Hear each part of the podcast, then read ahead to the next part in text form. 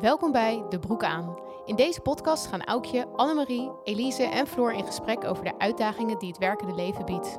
De Broek aan is een podcast van ECRC en ECRC is het netwerk voor vrouwelijke professionals. Ja, daar zijn we weer. Welkom bij weer een nieuwe aflevering van De Broek aan. Uh, mijn naam is Floor en uh, vandaag ga ik in gesprek met Elise en met Aukje. En we gaan het hebben over work-life balance. Helemaal zin in. Nou, en ik werk in de Tweede Kamer en op het moment dat je iets Engels zegt in de Tweede Kamer, dan zegt Ariep, dat doen we hier niet. Dus kun je het even vertalen. Ben je dus af? daar heb ik, uh, daar ben je af. dus daar heb ik even over nagedacht. En ik heb work-life balance vertaald als de balans tussen je werkende leven en alles wat je daarbuiten doet. Oh. Goeie vertaling. Ja. Maar ja, alles wat je daarbuiten doet. Ja, want ik vond de balans... is Elise te breed. nee, maar hoezo niet privé? Nou, omdat privé... Ja, omdat privé is meteen... Is dat niet werk? Oh ja, nou ja. Nee, Soms loopt werk en privé ook wel door elkaar. En je doet misschien ook wel dingen naast je werk, zoals bijvoorbeeld EKC. Is dat dan je privéleven? Ja, ja, dat is een goede vraag. Nou. Floor van der Zee. Ja, dat zou ik niet meteen als privé omschrijven. Dus ik geef je alle credits voor deze definitie. Super gaaf eh, ontwikkeld. Nou, ik uh, merk dat het wat losmaakt bij jullie. Uh, maar goed, waar we het dus over gaan hebben is uh, hoe je los kunt komen van je werk. Maar ook wat is nou een gezonde balans tussen werk en, nou oké, okay, privé. en um, ja, hoe je nou eigenlijk ontspant en ook wie daar eigenlijk verantwoordelijk voor is. Nou, er komt van alles voorbij. Annemarie horen jullie vandaag niet, want die doet lekker de techniek. Zoals jullie dat elke keer weer van ons horen. Maar voordat we op de stellingen ingaan, wil ik beginnen met het Powervrouw momentje van de week. Oh. Dus uh, meiden, Aukje, kom er maar in. Oeh, ik mag beginnen. Leuk. Um, nou, mijn powervrouw momentje van de week was een, een heerlijke lunch met vriendinnen. En als ik het nu zo in mijn hoofd bedenk, is het misschien meer een heel decadent momentje. Maar het was een zondagmiddag. is ook een momentje. is ook een momentje, maar ik voelde me er best wel powerful bij. Omdat we lekker op zondagmiddag gingen lunchen met wijn. En ik moet Oh. zeggen, ik denk dat ik dat dus nog nooit heb gedaan. Dus echt, laat maar zeggen, uit lunchen met wijn. En ik had me ook een beetje leuke kleding aangetrokken. En ik was soort van helemaal feeling the moment. En het was gewoon tof, omdat we daar met z'n vieren zaten... en uh, de week aan het bespreken waren wat iedereen had gedaan. Waarbij inderdaad allemaal succesvolle verhalen vanuit werk... maar ook minder leuke momenten, maar gewoon even... Uh, helemaal met elkaar uh, het moment beleven. En het voelde ook gewoon een beetje, ja, een beetje chic. Ja. En ook een, ja, dat doen we nu dus. Geen student meer, dat was ook. Ik bedoel, Ja. we hadden goede Ja. wijn. Ik Ja. dacht, dit is echt wel next, eh, next step. Ja, zeker. Ja. Next step, next level. Maar ik kan me voorstellen dat het heerlijk voelt. Ook als Ja. je het nog nooit gedaan hebt. Ja. Heb je daarna nog iets gedaan die dag? Of was het toen wel redelijk... Ja, eh, toen gingen we inderdaad allemaal naar onze familie. Dat was dan wel weer Oh. interessant. Dat, dat was een beetje de setting. En ik voel meer, laat maar zeggen, ik, bedoel, ik drink wel vaker wijn. eh, op Oh. dit moment ook. Maar het ging meer om dat, dat, dat zondagmiddagmoment, laat maar Ja. zeggen. Ja, Dat, heerlijk. En dat je dan om 12 uur een wijntje bestelt. Ja, dat doe ik gewoon niet zo vaak. nou, Nee, doe ik ook niet zo vaak. kunt maar is wel iedereen lekker. aanraden. Ja. Elise. Ja, ik heb een, eh een powervrouw momentje van de week waar geen alcohol bij betrokken was. Ehm, maar ik was op een, eh, op een event eh, aanwezig en daar vertelde eh, een van de EKC-deelnemers aan mij wat EKC haar eh, had gebracht. eh, specifiek in de afgelopen week, in een bepaalde setting. En toen eh, zei ze tegen mij echt een schouderklopje voor jou. En dat wuifde ik een beetje weg. Maar zoals denk ik de luisteraars al weten, ben ik natuurlijk een van de oprichters van eh EKC. En ik eh, liep daarna nog mee rond. En toen dacht ik eigenlijk, nee, dat was gewoon echt een super mooi compliment wat iemand me maakte. Daar had ik gewoon tegen moeten zeggen, dankjewel. Ja. Wat onwijs leuk om te horen. Want eh, ik zal dat ook zeker nog naar deze persoon ehm, eh, appen. Want ik merk eigenlijk dat ik er nog steeds een beetje high van ben. Omdat ik wel echt dacht, ja, dat is super lief. Iemand hoeft dat helemaal niet te doen. Maar het gaf mij wel echt een enorm powervrouw moment gevoel van de week. Superleuk. Ehm, ja, dus ik dacht, die gooi ik erin. ja, en Hier. Heel ook goed tof. dat je zegt van eh, zo'n compliment, dat moet je dan gewoon incasseren en bedanken en super. Net Precies. Als, eh, En dat had ik ook echt moeten doen. Maar dan dacht ik, nou nee joh, hè, meid, eh, super fijn dat het voor jou Ja. zo goed is uitgepakt. Terwijl het gewoon een heel mooi compliment terwijl we maakte. hier echt Ja. ziek veel tijd in hebben gestoken. Daarom, Ja. zeg maar. Dus dat was wel mooi om even mee te nemen. Nou, leuk. Ik dacht, ik eh, neem ook... ik, ik doe geen eigen powervrouw momentje, maar wat ik leuk vind is dat een van onze luisteraars een powervrouw momentje heeft aangedragen. Dat is, Oh, echt? het is ook vriendin van mij, Amelie. En die vertelde dat we haar geïnspireerd hadden. Dat ze zei, ik ging echt nadenken over wat mijn powervrouw momentje was. En eh, ze vertelde dat ze...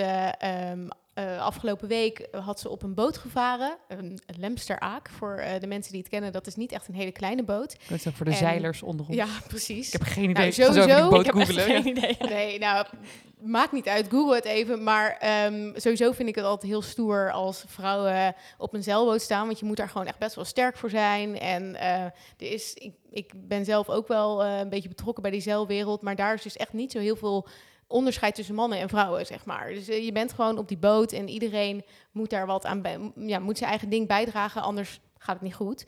En zij eh, stuurde een filmpje dat ze eh, voor op die boot stond en het was, nou, het was heel slecht weer. En ze zegt erover, mijn powervrouw momentje was dat ik voor op die boot met flinke golven en windkracht 7 een fok moest vastmaken aan een ringetje met een zware katrol eraan vast. Ik moest evenwicht en kracht gebruiken. Toen voelde ik me echt heel erg stoer. Wat gaaf. Heel gaaf. Nou, Oh, en wat leuk dat een luisteraar zijn powervrouw momentje met ons deelt. Dat ja, vind ik echt zou zeggen, eh, keep them coming. Dus als je eh, onze podcast hebt gevonden, bijvoorbeeld via LinkedIn of via eh, Instagram, kan je onderaan in de comments jouw Powervrouw momentje achterlaten. En nou ja, die nemen we graag mee in een volgende aflevering. Heerlijk. Ik krijg er helemaal energie van Ja. meteen. Dacht ik ook. Ja. Nou, we gaan naar die work-life balance, jongens. Stelling, of nee, sorry, ik begin met een vraag. Oké. Ben je wel eens onbereikbaar voor je werk? Ik denk dat ik voor het laatst echt onbereikbaar was vorig jaar zomervakantie toen ik in Canada aan het toeren was in een camper. En we onverwachts een gebied inreden waar geen bereik was. En echt, dat wa- dat waren we vier, vijf dagen. Toen was ik gewoon onbereikbaar voor iedereen. Dus ook helemaal voor mijn werk. Dat was best wel wennen. En toen we uiteindelijk weer bereik hadden, was ik vooral het meest bezorgd om mijn moeder. Want ik dacht, die zou ook wel gedacht hebben, ze hebben vast geen bereik. Maar wanneer hebben ze dan wel weer bereik? En die had inderdaad ook geappt, ik vermoed dat jullie geen bereik hebben. Toen was ik onbereikbaar voor werk. Ehm, en ik doe af en toe een dappere poging. Maar je, je zegt dus eigenlijk ook, je had dus je werktelefoon wel mee op vakantie. Jazeker. Oké, Ik heb hem nu ook bij me. komen we zo even op terug. Aukje, ben je wel eens onbereikbaar voor je werk? Nou, ik ben dus ik, helemaal trots, ja. Want afgelopen zomer, drie weken lang, heb ik mijn werktelefoon uitgezet. Echt? Maar ik dek het wel helemaal in. Dus... eh, Iedereen mailen van tevoren. Nee, nee. Oh. Ik, ik schakel hem door naar een collega. ik Dus kan dat- zeggen, niet naar je privé-telefoon, Nee, want maar- dan telt het niet. ik schakel hem dus door naar een collega. Ehm, en eh, mijn baas heeft dan mijn privénummer. Eh, en die collega die mijn telefoon beheert ook. Voor als er echt iets is, dan kunnen ze me op privé bellen. Maar ik vind het gewoon echt heel fijn dat die telefoon uit is. En ik moet wel zeggen, het is altijd een beetje een proces. Want dan heb ik mijn eerste dag vakantie en dan leg ik hem ergens op een kastje aan.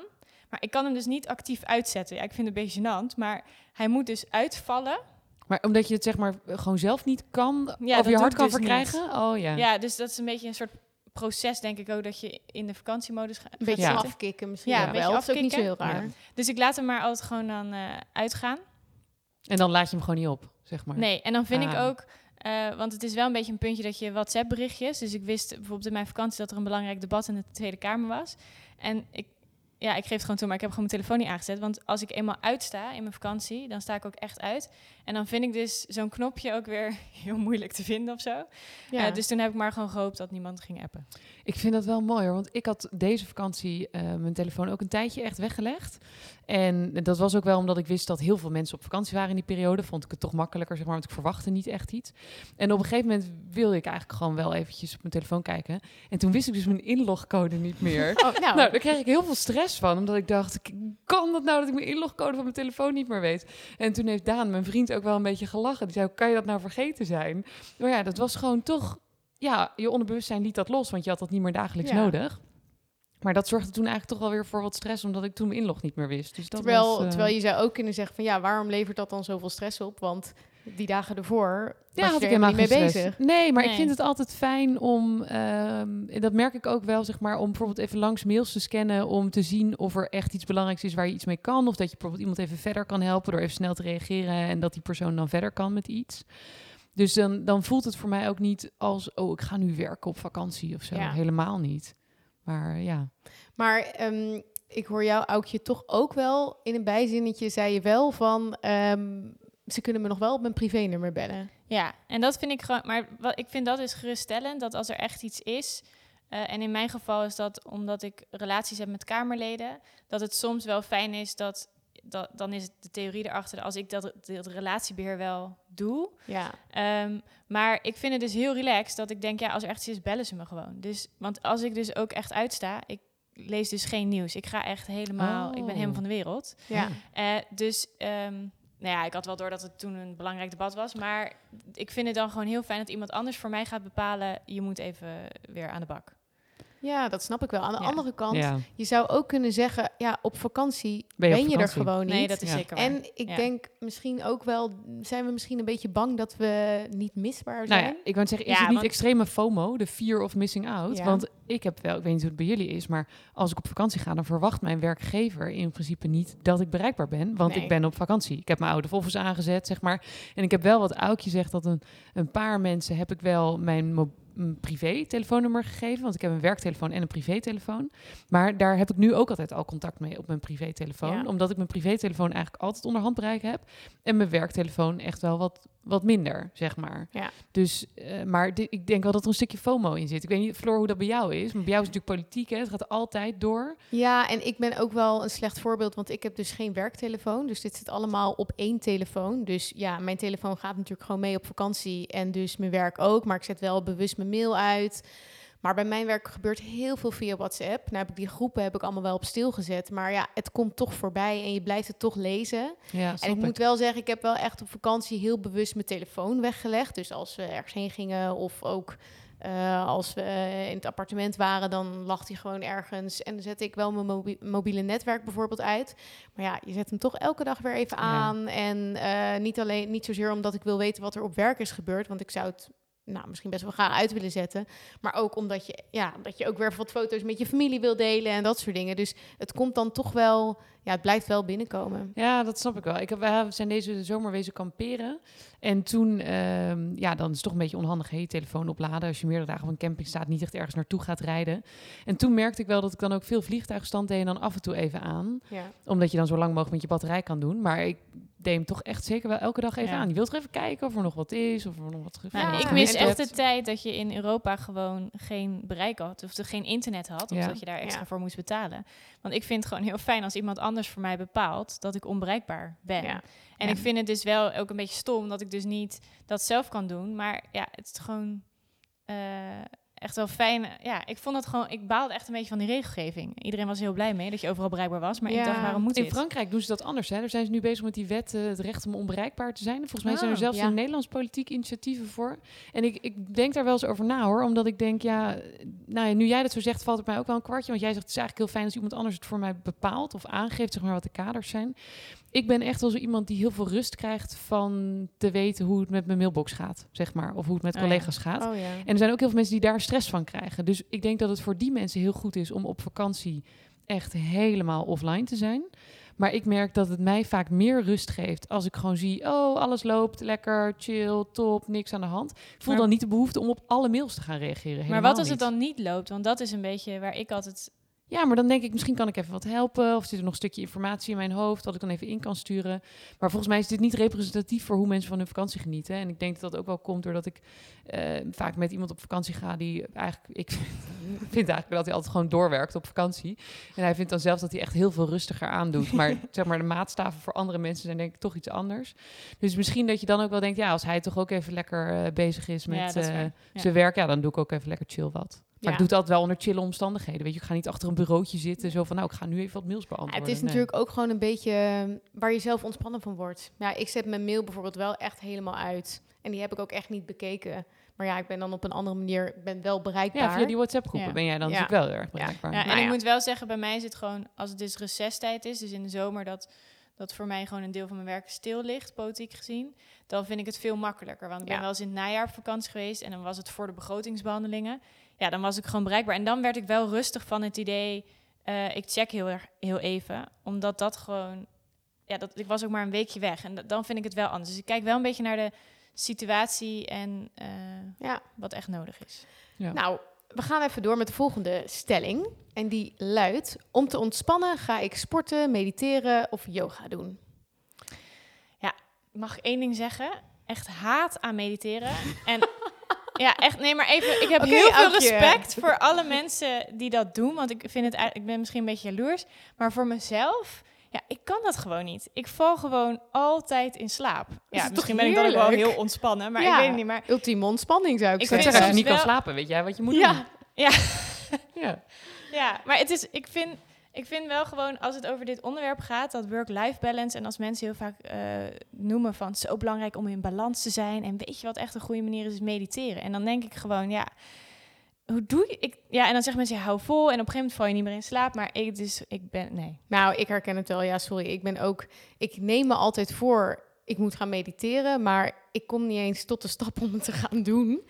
Ehm, dus nee, voor mij werkt het inderdaad ook niet. Maar ja, ik eh, hoor ook echt heel veel positieve verhalen erover hoor. Zeker, zeker. En wij, wij hebben het met onze zeg maar, EKC-jaargroep een keer gedaan. Een soort van seven-day challenge om te mediteren. En dat ging sommige dagen beter bij mij dan andere. Ik heb ook wel eens echt enorm gedut. Op het moment dat ik dacht, ik ga even mediteren.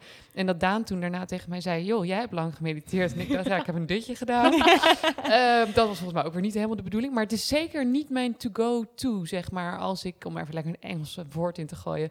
als ik eh, wil ontspannen. Maar sporten, ja. Want dat maakt gewoon echt... Ik heb hier een keer promo gehouden voor wielrennen. Oh Waarna iemand tegen mij zei: Ik heb helemaal zin om een wielrenfiets te kopen na het luisteren van de podcast.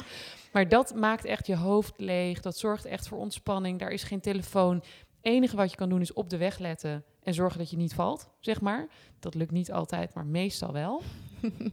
en ik heb ook wel eens dat ik eh, dan, dan yoga, en dat is bij mij een beetje in fases. Maar daar merk ik altijd wel dat het zoveel ruimte in mijn hoofd creëert. Als ik dat dan doe, Ja. en dan doe je het maar 20 minuten thuis, zeg maar, dan ben ik altijd wel echt er helemaal verbaasd over hoeveel ontspanning dat dan eigenlijk heeft gebracht. En dan elke keer denk ik, dit zou ik dus vaker moeten doen. Maar ja, hè, Dat lukt dus work-life balance, Ja. eh, dat lukt dan weer niet. Maar dat, ligt, dat is, ligt hier natuurlijk ook een beetje onder. Want ja, hoe ontspan je eigenlijk? Wat is ontspanning eigenlijk? Ja, dat is waar. Maar wat hier voor mij ook onder ligt, is dat eh, mijn vader heeft me altijd één ding geleerd. En hij zegt altijd, geen tijd is geen prioriteit.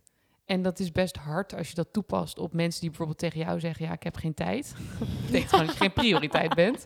Eh, dus het is soms heel confronterend. Maar voor sporten is het, en ontspanning is het bij mij ook soms wel echt waar. Ja, Dat ik gewoon denk, ja, ik heb geen tijd daarvoor. En dat betekent eigenlijk gewoon dat het geen prioriteit is.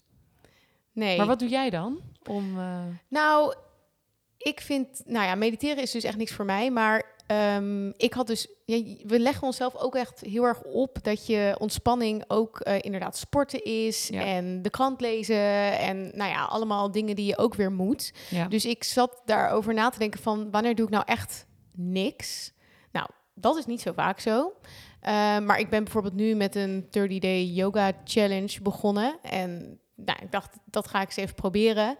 Eh, en eerst dacht ik ook, dat, dat moet je dan elke dag doen. Nou, dat mislukte natuurlijk al na dag twee. ja. Maar toen dacht ik ook, ja, eh, voor wie doe ik het ook eigenlijk? Dus ik doe het nu gewoon op de dagen dat het me uitkomt. En eh, ik vind dat echt, echt heel erg lekker om, om te doen. Maar ehm, ik heb ook een hobby en ik hou heel erg van puzzelen. Net als Oh, ongeveer de rest van heel Nederland, maar sinds corona. Maar ik deed het ook al voor corona. Ehm, en dat vind ik heel erg lekker, omdat je dan, ja, je doet echt eigenlijk helemaal niks moeilijks met je brein. En ik neem er lekker een glas wijn bij en ik luister een podcast. En, eh, dus dat is voor mij wel echt niks doen en ontspanning. Maar Weet je wat ik wel... oh, Nee, ga je gang, Aukje. Wat ik wel grappig vind is ehm, dat helemaal niks doen. Hè? Als ik jou nu hoor, ik, ga, ik, ik, ik ben aan het puzzelen, ik luister ondertussen Ja. een podcast. Dat zijn best wel, dat zijn twee Ja. dingen tegelijk. En ik herken dat wel, dat, eh, dat ik best wel moeilijk tegen eh stiltes kan. Dus dat is echt, dat bijvoorbeeld me concentreren alleen op koken, of ik, ik hou heel erg van bakken. Dat ik vaak toch dan een podcast of iets ga opzetten, maar dat echt helemaal Maar ik kan ook niks doen. Ik snap, ja, ik, ik vind dat heel moeilijk. En Maar ik ik- denk wel dat dat ook een beetje van deze tijd is. Ja, maar ik denk ook wel, het is heel erg de vraag hoe jij ontspant. Hè? Want Ja. ik, kan, ik kan echt best wel goed gewoon ontspannen, vind ik oprecht. Maar dat is niet per se altijd tijdens het niks doen. Maar ik kan heel erg opladen van met vriendinnen afspreken, Ja. of een boek lezen, of een podcast luisteren. Want ik had vanochtend zo'n ochtend dat ik dacht, oké, ik moet eventjes naar de winkel en ik wil heel graag die podcast luisteren. Toen dacht ik, dit kan ik echt perfect combineren. Ik ga lekker wandelen Ja. naar die winkel. Wandelen is namelijk chill, kunnen ook iedereen aanraden. Podcast luisteren, hartstikke leuk. En even een boodschapje gedaan en weer teruggewandeld, hele podcast geluisterd. En toen voelde ik me gewoon helemaal ontspannen, omdat ik dacht, ik heb ook Ja. lekker die dingen gedaan die ik zelf wilde doen. Dus het is denk ik ook niet erg als je twee dingen tegelijk doet, als jij er maar van ontspant. En Ja. ik denk dat je gewoon niet kan zeggen wat de manier is om te ontspannen, of wat de manier is om je work-life balance precies in te vullen, omdat die voor iedereen anders is. Het is afhankelijk van, heb je een kantoorbaan, en waar we het een keer eerder over hadden, weet je ook, kan je flexibel thuiswerken. Aukje, waar wij het over hadden, ben je arts in het ziekenhuis en moet je gewoon op een bepaald moment er zijn en bepaalt je schema wanneer je weer naar huis kan. En dat is hetzelfde met als jij ontspant van puzzelen en een glas wijn en een podcast. Ja, Ja. go for it. Ja. Ja. Ik ontspan echt totaal niet van een puzzel. Pure staat van paniek bereik ik dan, zeg maar. En ik vind het ook echt helemaal niet leuk. Dus je kan niet zeggen, zeg Nee. maar, wat Nee, wat dat is, het is sowieso heel persoonlijk waar je inderdaad van ontspant. We hebben een Ja. keer met onze jaargroepen over gehad van wa- wat, doe je, wat is jouw manier van ontspanning? En er kwamen echt hele leuke eh, dingen uit van mensen waarvan je denkt, oh, ik wist echt helemaal niet dat je die hobby had gewoon. Ehm, en dat, bij mij is dat bijvoorbeeld, ik vind het dus heerlijk om om 12 uur s'nachts een taart te bakken.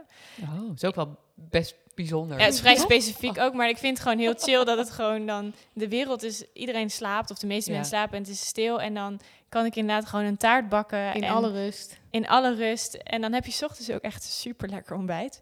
Maar ja, het is niet dat ik dit nu wekelijks het doe, maar ik zou het heel vaak wel vaak Ja. Misschien doen. moeten we de volgende keer als deze podcast bij jou opnemen, Aukje, wat eerder Ja. afspreken. En ook ontbijten. Nee, maar het is inderdaad ehm, wel ehm, wat jij ook zegt, Elise, over opladen. Daar, Mhm. daar hebben we het eigenlijk te weinig over. En ik las Ja. laatst een heel interessant artikel ehm, in het NRC. En dat eh, was met een bedrijfsarts. En die, die zegt ook, we werken misschien niet eens zoveel te veel, maar we hebben het te weinig over van wat geeft me nou energie en eh, hoe laat ik op. Ja. Want het is eigenlijk een beetje gemeengoed geworden dat, je, dat het prima is dat je aan het eind van de dag dat je een eh, zware werkdag hebt gehad en dat je echt een beetje op bent. En dat je zegt, nou ik ben echt kapot, ik ga vanavond even vroeg naar bed. Ehm, maar dat is eigenlijk helemaal niet zo heel erg gezond. Terwijl we dat heel erg gewoon zijn gaan blijven vinden. ja. En als je... Sorry. Nee, nee, vertel, ah, vertel me meer. Ik, ben, ik hang aan je Ja. Ik ben het helemaal eens namelijk. Gewoon helemaal eens. Ja, en als je dan en als je dan dus wel serieus neemt, dus als je inderdaad denkt van, nou ja, ik, eh, ik, ik werk eigenlijk te veel of ik heb te veel stress, dan is de reflex heel erg van, ook vanuit een werkgever, oké, hoe kunnen we je ontlasten? Hoe kun je minder gaan werken? Terwijl je zou eigenlijk veel meer moeten gaan denken, ehm, hoe krijg ik meer energie? Want energie verbruiken is natuurlijk helemaal niet vreemd. Dat, daarvoor heb je het ook. Maar waar krijg je wel energie van? Wat, en dat eh, hangt ook heel erg samen met, ja, doe je de dingen die je gelukkig maken? Dus dat kan heel persoonlijk zijn, maar dat heeft natuurlijk ook te maken met je gezondheid en ook hoeveel autonomie je in je werk hebt, of je ruimte hebt om te groeien. En ja, het is ook, je kan het dus ook een beetje fi- filosofisch trekken van, nou ja, waarvoor sta ik op elke ochtend? Ja. En ik denk dus ook heel erg dat ehm, als je, en dat zegt, die, dat zegt die bedrijfsarts dus ook in dat artikel, ik zal, we zullen het ook even delen in de show notes, dan kan je het allemaal lezen, want het is, er staan echt super interessante dingen in.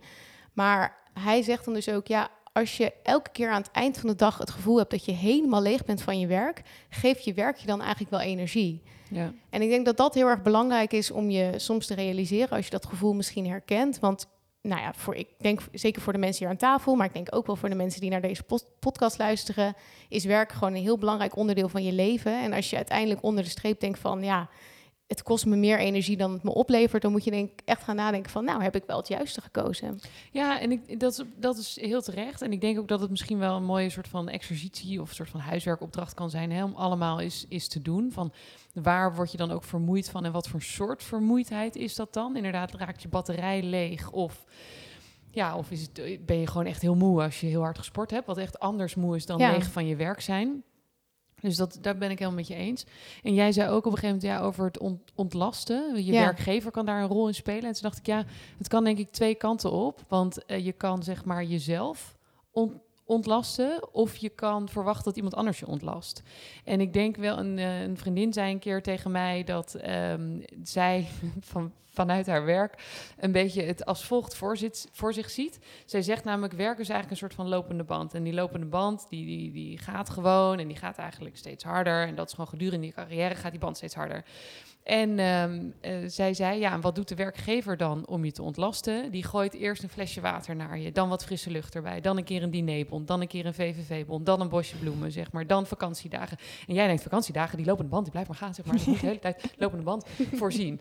En dat is wel een beetje met dat ontlasten. Je moet dus zelf dan op een gegeven moment weg durven stappen van die lopende band. En zelf zeggen, oké, nu ik ga nu dit flesje water drinken en die frisse lucht. Want ik geloof dat bij de meeste bedrijven is, is de toolbox er wel om Ja. te ontspannen. Maar maar moet je hem wel echt zelf vormgeven. Want het wordt niet alleen maar voor je gedaan, zeg maar. Nee, en ik denk ook dat je dus niet alleen als werknemer, maar ook zeker als werkgever een verantwoordelijkheid hebt dat je, ehm, dat je mensen een goede work-life balance kunnen hebben. Ja, maar uiteindelijk ik ben ik met je eens, maar ik denk dat je het uiteindelijk zelf moet doen. Ja, wat je, Elise, jij zegt, de werkgever moet de middelen faciliteren. Maar uiteindelijk ben je zelf verantwoordelijk voor het nemen van, je, van het besluit. En ik denk, het verschil denk ik een beetje per baan. Want je hebt bij bepaalde absoluut. banen wel dat er echt wordt gezegd, dit moet vanavond af. Maar tenminste, als ik naar mijn eigen werk kijk, dan is het vaak ook wel mijn eigen keuze. Als ik s'avonds ga werken. En soms, ik weet wel dat als je dan langer op kantoor zit, dat mensen wel eens tegen je zeggen, denk ik ook heel goed, hè, dat collega's zeggen, joh, is het niet tijd dat je naar huis gaat? En dat, maar dat ik soms wel eens zeg, nee, want ik word nu er blij van als ik dit afmaak. Want als dit Ja. af is, dan kan ik vanavond gewoon met een rustig hoofd eh, iets anders leuks gaan doen. Eh, Ja. dus, dan, dus daarin je eigen keuze eh, vind ik daar wel heel erg belangrijk in. Maar dat zegt niet dat het heel makkelijk is. Want Nee, maar ik ben het toch niet helemaal met jullie eens. Want ik denk toch als wij allemaal het gevoel hebben, ja, we kunnen niet helemaal onbereikbaar zijn. Komt dat dan door onszelf of komt dat misschien ook door een druk die vanuit een werkgever of iets dergelijks komt? En kan een werkgever daar misschien niet ook iets anders in betekenen? Ja, maar dat ligt denk ik ook wel aan een werkgever. Want eh, mijn werkgever is hele, die zegt, eh, Elise, je gaat op vakantie. Ik verwacht ook niet dat je de komende drie weken iets doet. Ja, maar dat is dus ook heel goed, Ja, denk ja. ik. Maar het geeft mij dus rust om af en toe zelf wel iets te doen voor werk. Dus dat is een eigen keuze, zeg maar. Ik denk alleen dat in de discussie, je hebt wel als werkgever een bepaalde zorgplicht voor je mensen. Dat Ja. ben ik wel met je eens. Dus je moet wel zorgen dat, er, dat je niet A zegt en dan B doet. Want ik denk vooral voor mensen die net beginnen te werken, die werken natuurlijk heel veel. En denk ik moet me bewijzen. Of mensen net een nieuwe baan zitten, weet je ook, moet me bewijzen. Wat is de morris? Wat kan ik wel en niet doen? En daar, die wil je ook wel in een bepaalde mate in bescherming nemen. Omdat er is ook genoeg onderzoek wat aantoont dat meer werken helemaal niet per se beter is. Ik heb van de zomervakantie een boek gelezen, Why the Way We Work Isn't Working. Ehm dat zal ik ook eventjes delen. En dat ging ook heel erg over die balans van hoe moet je nou eigenlijk je dag indelen en hoe ben je nou het meest productief. Dus je work-life balance, zeg maar. En die zeiden heel erg, naar aanleiding van allerlei studies, je moet bijvoorbeeld om vier uur 's middags gaan sporten. Er komt werktechnisch toch niks uit je handen, je kan blijven zitten. Ja. Maar trust me, it doesn't work, zeg maar. Als je op dat moment eruit stapt en daarna weer even een uurtje werkt, zeiden ze, doe je ongeveer hetzelfde als dat je nog tot zeven uur was blijven zitten. Omdat je gewoon fysiek gezien dan een dip hebt. Ja. En dat vind ik wel interessante dingen, omdat ik denk, in hoeverre dat kan hè, met het soort banen. Want ik bedoel, als je technisch in een, tech, in een installatie werkt, dan kan dit niet. Want dan moet Of als je arts bent draaien. bijvoorbeeld. Ja, maar precies. Als je shifts moet draaien, dan, dan lukt je dat gewoon niet. Maar als je flexibeler kan werken, dan zouden we dat eigenlijk veel meer moeten doen. En ik denk dat we daarin onszelf onze eigen grootste blokker zijn. Omdat wij denken dat het niet kan, terwijl het eigenlijk Ja. wel kan. Ja, ik heb wel eens een training time management gehad. Want het blijkt inderdaad dat je, je hebt soort van eh, mensen die heel goed 's ochtends kunnen werken en mensen die heel goed 's middags kunnen werken. Dus vaak zeggen ze van, ga nou niet, want iedereen vanaf rond 11 uur, dan is iedereen best wel productief. Klopt. En je moet dus niet de vergaderingen op dat moment plannen. Ook Nee. al denk je, oh, dat is fijn, want dan is iedereen scherp. Maar dat is onwijs eh, energievreter. Ja. Ja. Eh, dus er, sommige bedrijven doen dat wel, van dat ze gewoon tussen een bepaald blok zeggen, dan niet vergaderen. Want dan heeft iedereen de tijd om ze, om ze gewoon Te zijn eigen werk te doen en Ja. er zelf voor te kiezen. En ik denk dat dat wel, ik vind dat zelf ook, ik ben iemand die heel graag s'avonds werkt, of tenminste eh, eh, piekt lekker aan het einde van de dag. En ik weet dat ik 's ochtends niet zo scherp ben. Dus ik begin bewust soms zelfs later. Ja. Eh, als ik weet dat ik s'avonds wat meer de tijd heb. en, en ga dan bijvoorbeeld inderdaad 's ochtends sporten. Of slaap gewoon wat langer. Of weet je wel, ik kies daar echt mijn moment in. Eh, dan nog moet dat, bij mij kan dat. Dat is niet voor iedereen weggelegd. Maar als dat kan, is dat wel echt super fijn. Omdat je dan wel beter die, eh, Ja, en die balans op hebt. Moet het soms ook wel, want als je om 12 uur s'nachts een taart gaat bakken, dan moet je soms Ja, ook wel wat Ja, langer dan heb ik gewoon echt te weinig geslapen. Dat klopt. Ja, ja, dat snap ik. Ja. Nou, onwijs mooi. Dank meiden voor het eh, delen van eh, jullie ervaringen. En ik denk een mooie opdracht aan de luisteraar om zelf eens na te gaan denken... ja, waar laat ik nou eigenlijk van op en waar krijg ik echt energie van? Dus doe dat vooral. Deel dat ook eh, in de opmerkingen op Instagram of op LinkedIn... want dat vinden we alleen maar leuk om te lezen. Je luistert naar De Broek Aan, podcast van EKC, het netwerk voor vrouwelijke professionals. Wil je meer weten? Volg ons via LinkedIn, Instagram of kijk op onze website. En vergeet natuurlijk deze podcast niet te liken. Reageren vinden we ook heel leuk, dus doe dat vooral. Tot snel!